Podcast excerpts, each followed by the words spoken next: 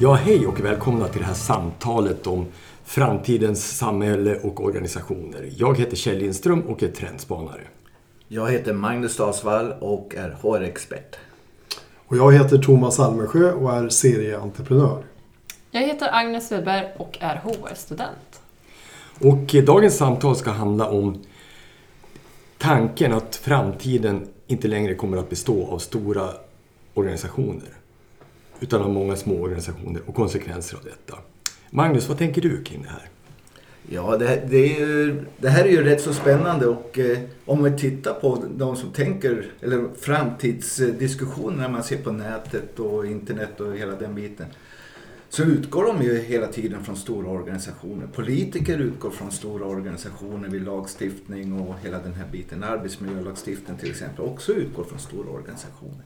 Men vi ökar ju eh, antalet små organisationer och det är ju bara 0,1 procent utav av eh, företagen i Sverige som har mer än 250 anställda.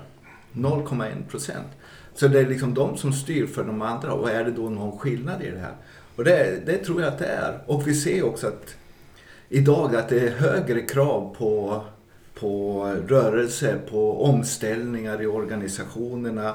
Och eh, ett exempel är väl, en möjliggörande, det är digitaliseringen som mm. ett exempel. Mm. För det finns väl någon, alltså vi har många eh, små organisationer och många stora. Tror ni att det finns något läge för att de stora organisationerna gör ett monumentalt återkomst? Så att det är det vi ser framför oss? Är det Nej, det tror, jag, det, det, det, tror jag inte. Jag tror inte på att eh, vi kommer bygga upp stora, stora organisationer igen. Statistiken Men, talar ju emot det. Så att... Statistiken och forskningen talar emot det. Möjligtvis kan jag tänka mig att inom offentlig sektor, vissa större organisationer kan jag tänka mig. Men, men i övrigt i samhället när det gäller företagande så, går, så blir det nog mindre organisationer. Men det ställer högre och högre krav ställs ju på att bolagen ska kunna anpassa sig och ställa om sig. Verkligheten eh, utvecklas i oanade riktningar hela tiden. Och det, de här stora organisationerna de blir för trögrörliga. Mm. Eh, och det bygger ju också på att man bygger upp kompetenser inom olika områden. Eh, och då måste man fortsätta utveckla den kompetensen i bolaget. Det är bättre i så fall att man eh, köper in de tjänsterna utifrån. Mm. Och, och att man då köper in den kompetens som behövs för att lösa de specifika uppgifter som, och utmaningar som bolaget står inför just nu.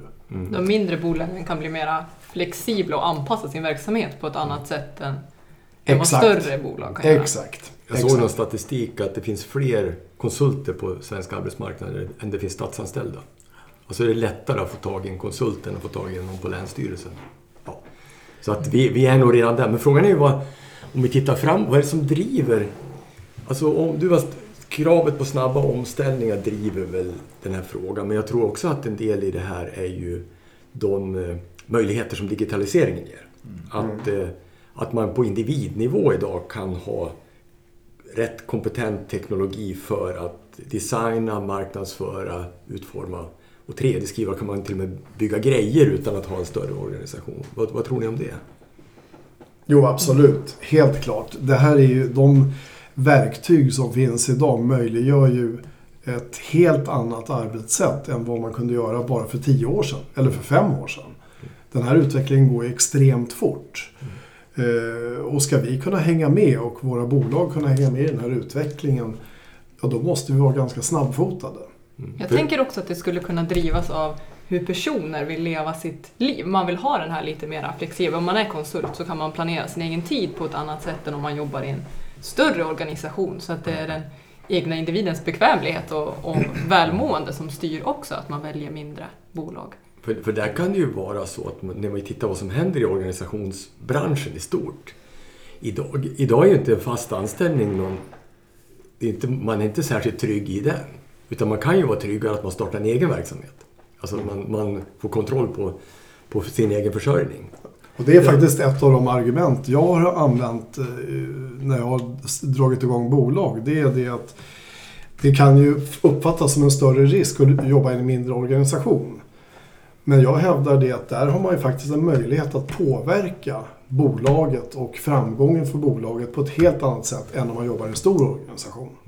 Det måste ju dessutom vara mycket roligare än att, än att bara göra det man blir tillsagd. nu, nu, nu har vi liksom, jag tycker vi har enats om, det går säkert att, att eh, Diskutera. motivera det med ännu fler. Men pro, vad, vad är problemet? Om vi nu går mot allt fler små organisationer, vi ser att allt mer verksamhet genomförs inte i de här stora jättarna längre utan det är massor med små organisationer som klustrar sig. Varför har vi det här samtalet? Magnus, vad tänker du? Vad, vad är liksom problemet? Vad är tankefällan? Här? Vad är tankefällan? Jo, tankefällan är ju trots allt att vi utgår från att vi alla är då stora, stora organisationer och stora företag. Eh, lagstiftning med, både inom arbetsmiljöområdet, arbetsrätten är utformad efter Volvo 1970 ungefär. Va? Och, eh, det här passar inte alltid de här små organisationerna. Sen tror jag också att eh, ungdomar eller den nyare generationerna som kommer ut mera, alltså får inte utbyte av sin professionalism. Eh, eller kan inte utveckla den på ett sätt. Utan de kommer in i någon standardiserad eh, form och ska bli på ett visst sätt eller någonting sådär. Vilket inte passar dem. Mm. Ja, jag, jag tänker också...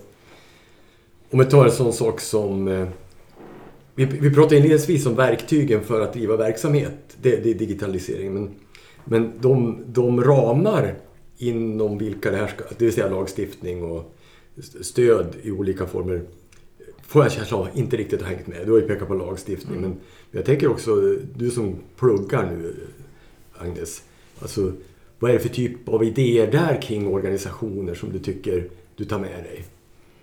Delvis skulle jag säga att det är mycket, man utgår från en större organisation i det studiematerial man använder. Så är det ju att allt, det här är en modell, den kommer passa alla företag och så blir man lärd den modellen.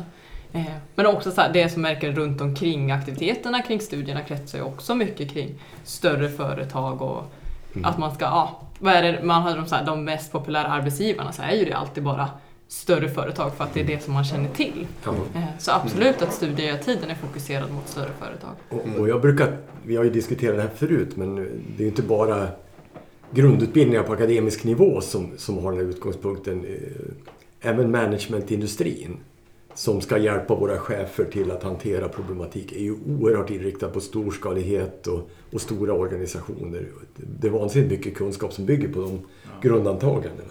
Och det, då är det klart att det slår fel. Alltså känner, känner småföretagarna igen sig på de här stora visionerna och tankarna som kommer från stora managementföretag eller ledarskapsutbildningar och de här delarna. Känner man igen sig? Jag tror knappt de som jobbar i stora företag känner igen sig på de utbildningarna.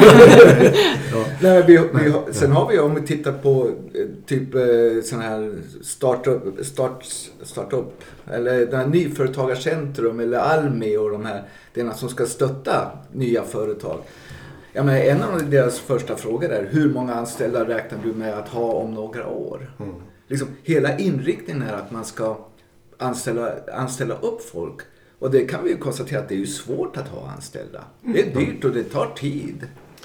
Och det, där måste ju också bolagen kunna vara flexibla. Och att ibland gasa på och ibland kanske bromsa eller sakta ner i alla fall. Och då, då är behoven olika när det gäller till exempel antalet anställda.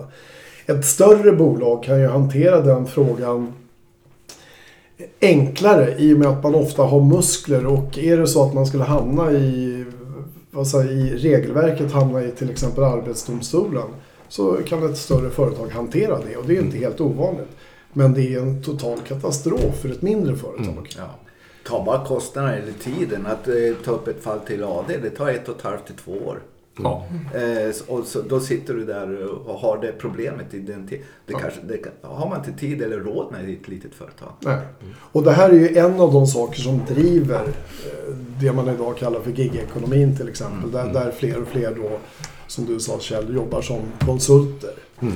Eh, för att man vågar inte anställa. Och sen just det här, jag tycker det, det brukar återkomma ett, ett begrepp inom organisationsläran och det är transak, transaktionskostnad. Alltså vad kostar det att binda upp, att skapa en organisation? Och det klassiska är att om man, när man tillverkade stor, skor på 1800-talet så var det väldigt besvärligt att ringa ihop folk varje dag för att komma till, affär, till, till fabriken och göra skor. Så det var mycket lägre kostnader man säger att ni kommer hit varje dag och jobbar 8 till 5 och gör skor. Idag har vi teknologin som gör att man kan faktiskt ringa ihop en organisation på, om man nu säger så, på dag, dagsnivå. Därför att kostnaderna för att bygga en organisation har blivit så otroligt mycket lägre. Och jag tror att det där är en drivkraft. Det finns inget större momentum i att, att bygga en jätteorganisation idag. Det, det, det behövs inte. Liksom. Så. Ehm, och jag tror att det vi ser runt hörnet, och det kanske vi ser redan nu, det kanske ni har exempel på, att, att man börjar få svårt att hantera det här nya rörelsebaserade samhället. Att det påverkar chefsroller, medarbetarroller. Oh ja. Och, och oh ja. Nej, men jag tänker, jag är delvis inne och hjälper till i revisionsbranschen. Och det, där, har, där har vi ju... De står ju inför ett jätteproblem. Eh, dels att eh, nya akademiker som kommer in eh, slutar. De har en hög ålder så att det är mycket, mycket som går i pension. Så att eh, antalet revisorer minskar konsekvent och påfyllnaden är inte lika stor. Ja, men hur försöker man lösa det? Jo, genom att ha mer regler, mer struktur, mer checklistor i princip. Och, alltså, egentligen så går de ut och gör arbetet både ja, lite tråkigare. Vilket inte tilltalar de här mm. mm. yngre som, mm. kommer, som kommer in. Mm. Och kanske inte vill vänta i fem, sex år innan de kan ta det här eh, revisorsprovet och de här mm. delarna. Det finns ju en norm bland unga idag att man ska byta jobb och ofta att man ska prova ja. olika mm. företag mm. för att få mm. olika typer av kunskap. Den normen finns ju bland unga idag. Mm. Ja, det är, så, det är klart att det blir ett problem. Ja, ja, men mm. det är ju. Meritbunkrar. Mm. Ja, och då blir det ju just att samma, men alltså de, de, de jobben som man behöver en ganska bred eller ganska lång erfarenhet eller utbildning på blir inte lika Nej. mycket folk på. Jag såg uh, någon statistik alldeles nyligen, det var amerikanskt då, det var Microsoft och uh, Apple som var de absolut populäraste företagen som drog till sig mest folk som ville dit och jobba. Uh, det visade sig att medelanställningstiden bland de nyanställda var ett år och två månader. Mm. Alltså låg under snittet. Mm. Men där tror jag också, om, apropå ordet tankefälla, så tror jag att just de undersökningarna när man tittar då på populära arbetsgivare så är ju de stora varumärkena. Mm. Det är ju de som kommer fram på grund av att det är etablerade varumärken. Ja. Eh, mm. Kanske inte nödvändigtvis för att det är den bästa arbetsgivaren. Nej. Nej, ett alternativ skulle ju behöva vara mindre företag som jag idag inte kan namnet på. Exakt. När man fyller i den enkäten. Och sen Exakt. är det ju inte nödvändigtvis så att stora starka varumärken betyder särskilt stor organisation. Jag vet inte hur många jobbar på Spotify. Ja. Det är väl tio stycken. Nej, det är mer. Men det, Nej, men det var... det är, de är några tusen. Det, ja. De, ja, men det finns men en principen att man kan ta. Tack, tack för att ni räddade mig tack, tack, Men det, det, klassiska exemplet när jag gick i skolan för hundra år sedan så var det faktiskt Gant. Ja, just det. Var, var ju då ett sånt här företag som var några få anställda men varumärket var spritt mm. över hela världen. Ja. Eh, jag vet faktiskt inte hur det ser ut idag. Men, men, jag tror att men var... nu tänkte jag släppa en bomb i det här. Aj då. Jag har en tanke som har organisationsteoretisk grund. Och det är att grunden i all organisation är att hantera osäkerhet. Uncertainty är ett av de stora begreppen för att förklara hur organisationer bildas. Så. Och det vi ser i det här rörelsesamhället och ständiga omställningar, det är att osäkerheten växer. Och ett sätt att hantera osäkerhet är struktur. Man skapar strukturer för att hantera osäkerheten. Det andra är kontroll. Och det tredje är tillit. Och det vi ser när osäkerheten ökar, det är att man tar till de strukturer man känner till. Mm. Och det är gamla klassiska linjestabsorganisationer och sånt där, som inte funkar. Så jag tror att vi ser, kan se lite grann panik i hela det etablerade organisationssamhället. Att söka de nya strukturerna som kan hantera den nya osäkerheten. Och det kommer bli oerhört spännande att se vart det leder. Men jag tror inte riktigt att vi kommer att fixa det med, med, med den gamla tidens tänk kring hur man hanterar osäkerhet i, i industriella miljöer eller tidig tjänsteproduktion. Det, det är något annat som kommer nu. Gäller det osäkerhet alltså både för organisationen och för individen och för samma, alltså är det en överlag osäkerhet? osäkerhet? Ja, det, du kan, ja.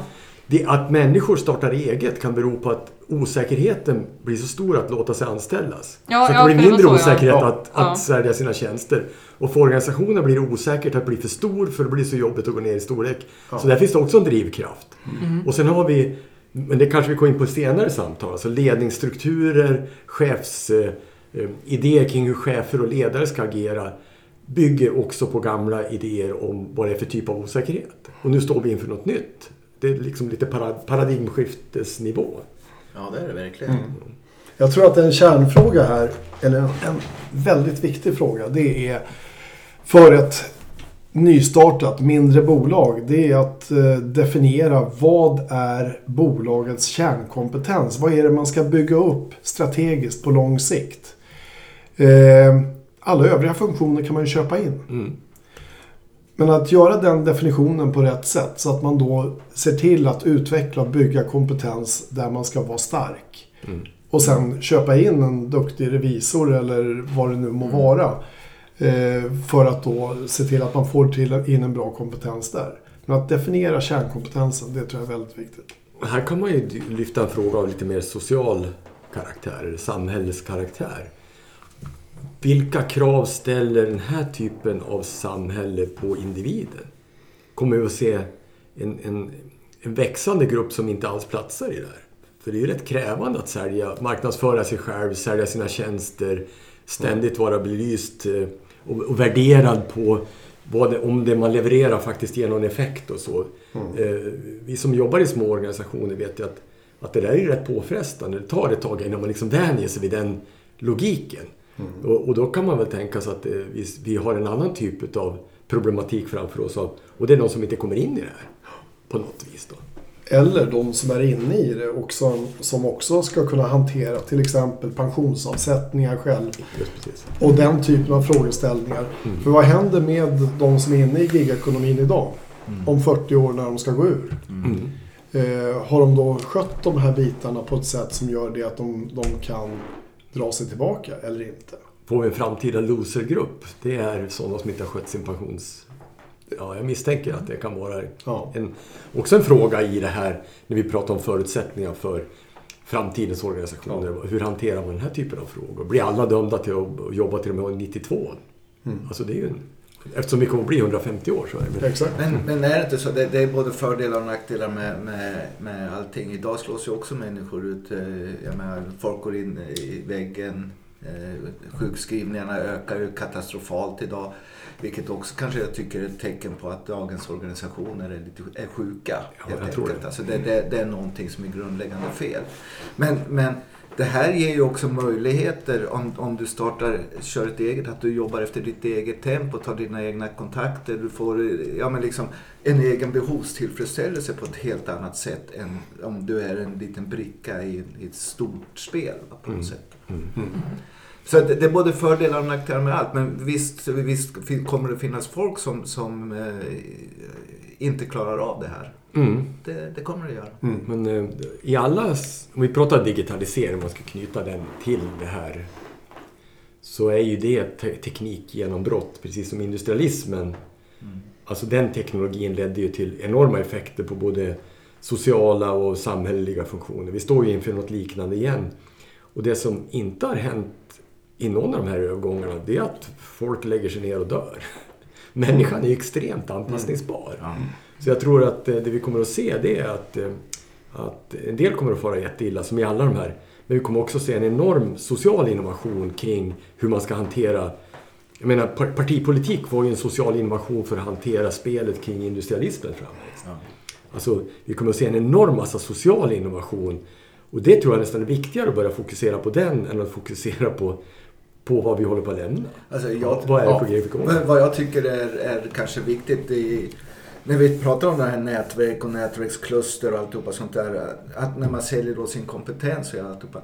Helt plötsligt så behöver vi inte bekymra oss om kön, eh, härkomst, mång, alltså mångfalden kommer in för den blir rätt oväsentlig. Mm. Om du har funktionshinder eller vad det än är. Eller om du sitter i Gnesta eller ut en annan landsbygd eller inne i Stockholm. Det spelar liksom ingen roll i det här fallet. Du kan ändå göra din business. Så att det är ju en rätt stor positiv grej. Hörni, vi Men- börjar men närma vi oss har- lite grann. Thomas vill säga någonting. Ja, jag vill säga någonting. Ja. Nej, men vi har en paradox här som är väldigt intressant. För att å ena sidan som du sa Magnus så har vi det här med regelverk och det, det blir mer och mer kontroll.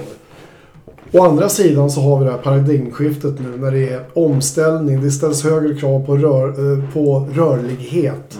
Både på, marknads, vad säger, jag, på arbetsmarknaden men även för företagen som sådana. När det gäller affärsmodeller och att man, man verkligen är med där det händer. Eh, så ökad kontroll och ökad rörlighet. Mm. Det där är ju en väldigt, väldigt intressant absolut. ekvation. Och jag tror att vi börjar närma oss slutet på det här samtalet den här gången. Och det vi har lyft det är att vi tror att småskaligheten kommer att få allt större effekter. Och att det här kommer att leda till helt andra krav på samhälle, organisationsfrågor och medarbetarroll och så. Vi kommer eh, att fortsätta diskutera det här i kommande poddar. Eh, men jag tycker att din Thomas sammanfattning där, vi står, en brytning är liksom rörlighet kontra kontroll. Alltså det är lite grann där som... Och att vi tror att en del släpar efter här. Så vi har en spännande framtid framför oss. Absolut. Magnus, några slutord? Nej, utan häng med i podden och var med i diskussionerna. Och det här är ju också någonting som jag saknar i den allmänna debatten. Man kör på sitt gamla hjulspår hejvilt liksom. Vi behöver ta upp den här. Det här behöver synliggöras. Mm, Thomas? Jag tycker det är en otroligt intressant diskussion och eh, nödvändig. Mm, tack. Agnes? Jag tycker framförallt att jag som ung är väldigt intresserad av den här eh, förändringen som man kommer ske. Att man, man, eh, så att man är lite förberedd på vad som skulle kunna tänka sig komma framöver. Ja, och avslutningsvis så tror jag att det här samtalen som jag hoppas sprider sig även i den svenska eh, organiserade världen kanske är det viktigaste vi gör just nu. Tack för den här gången. Tack så mycket. Tack.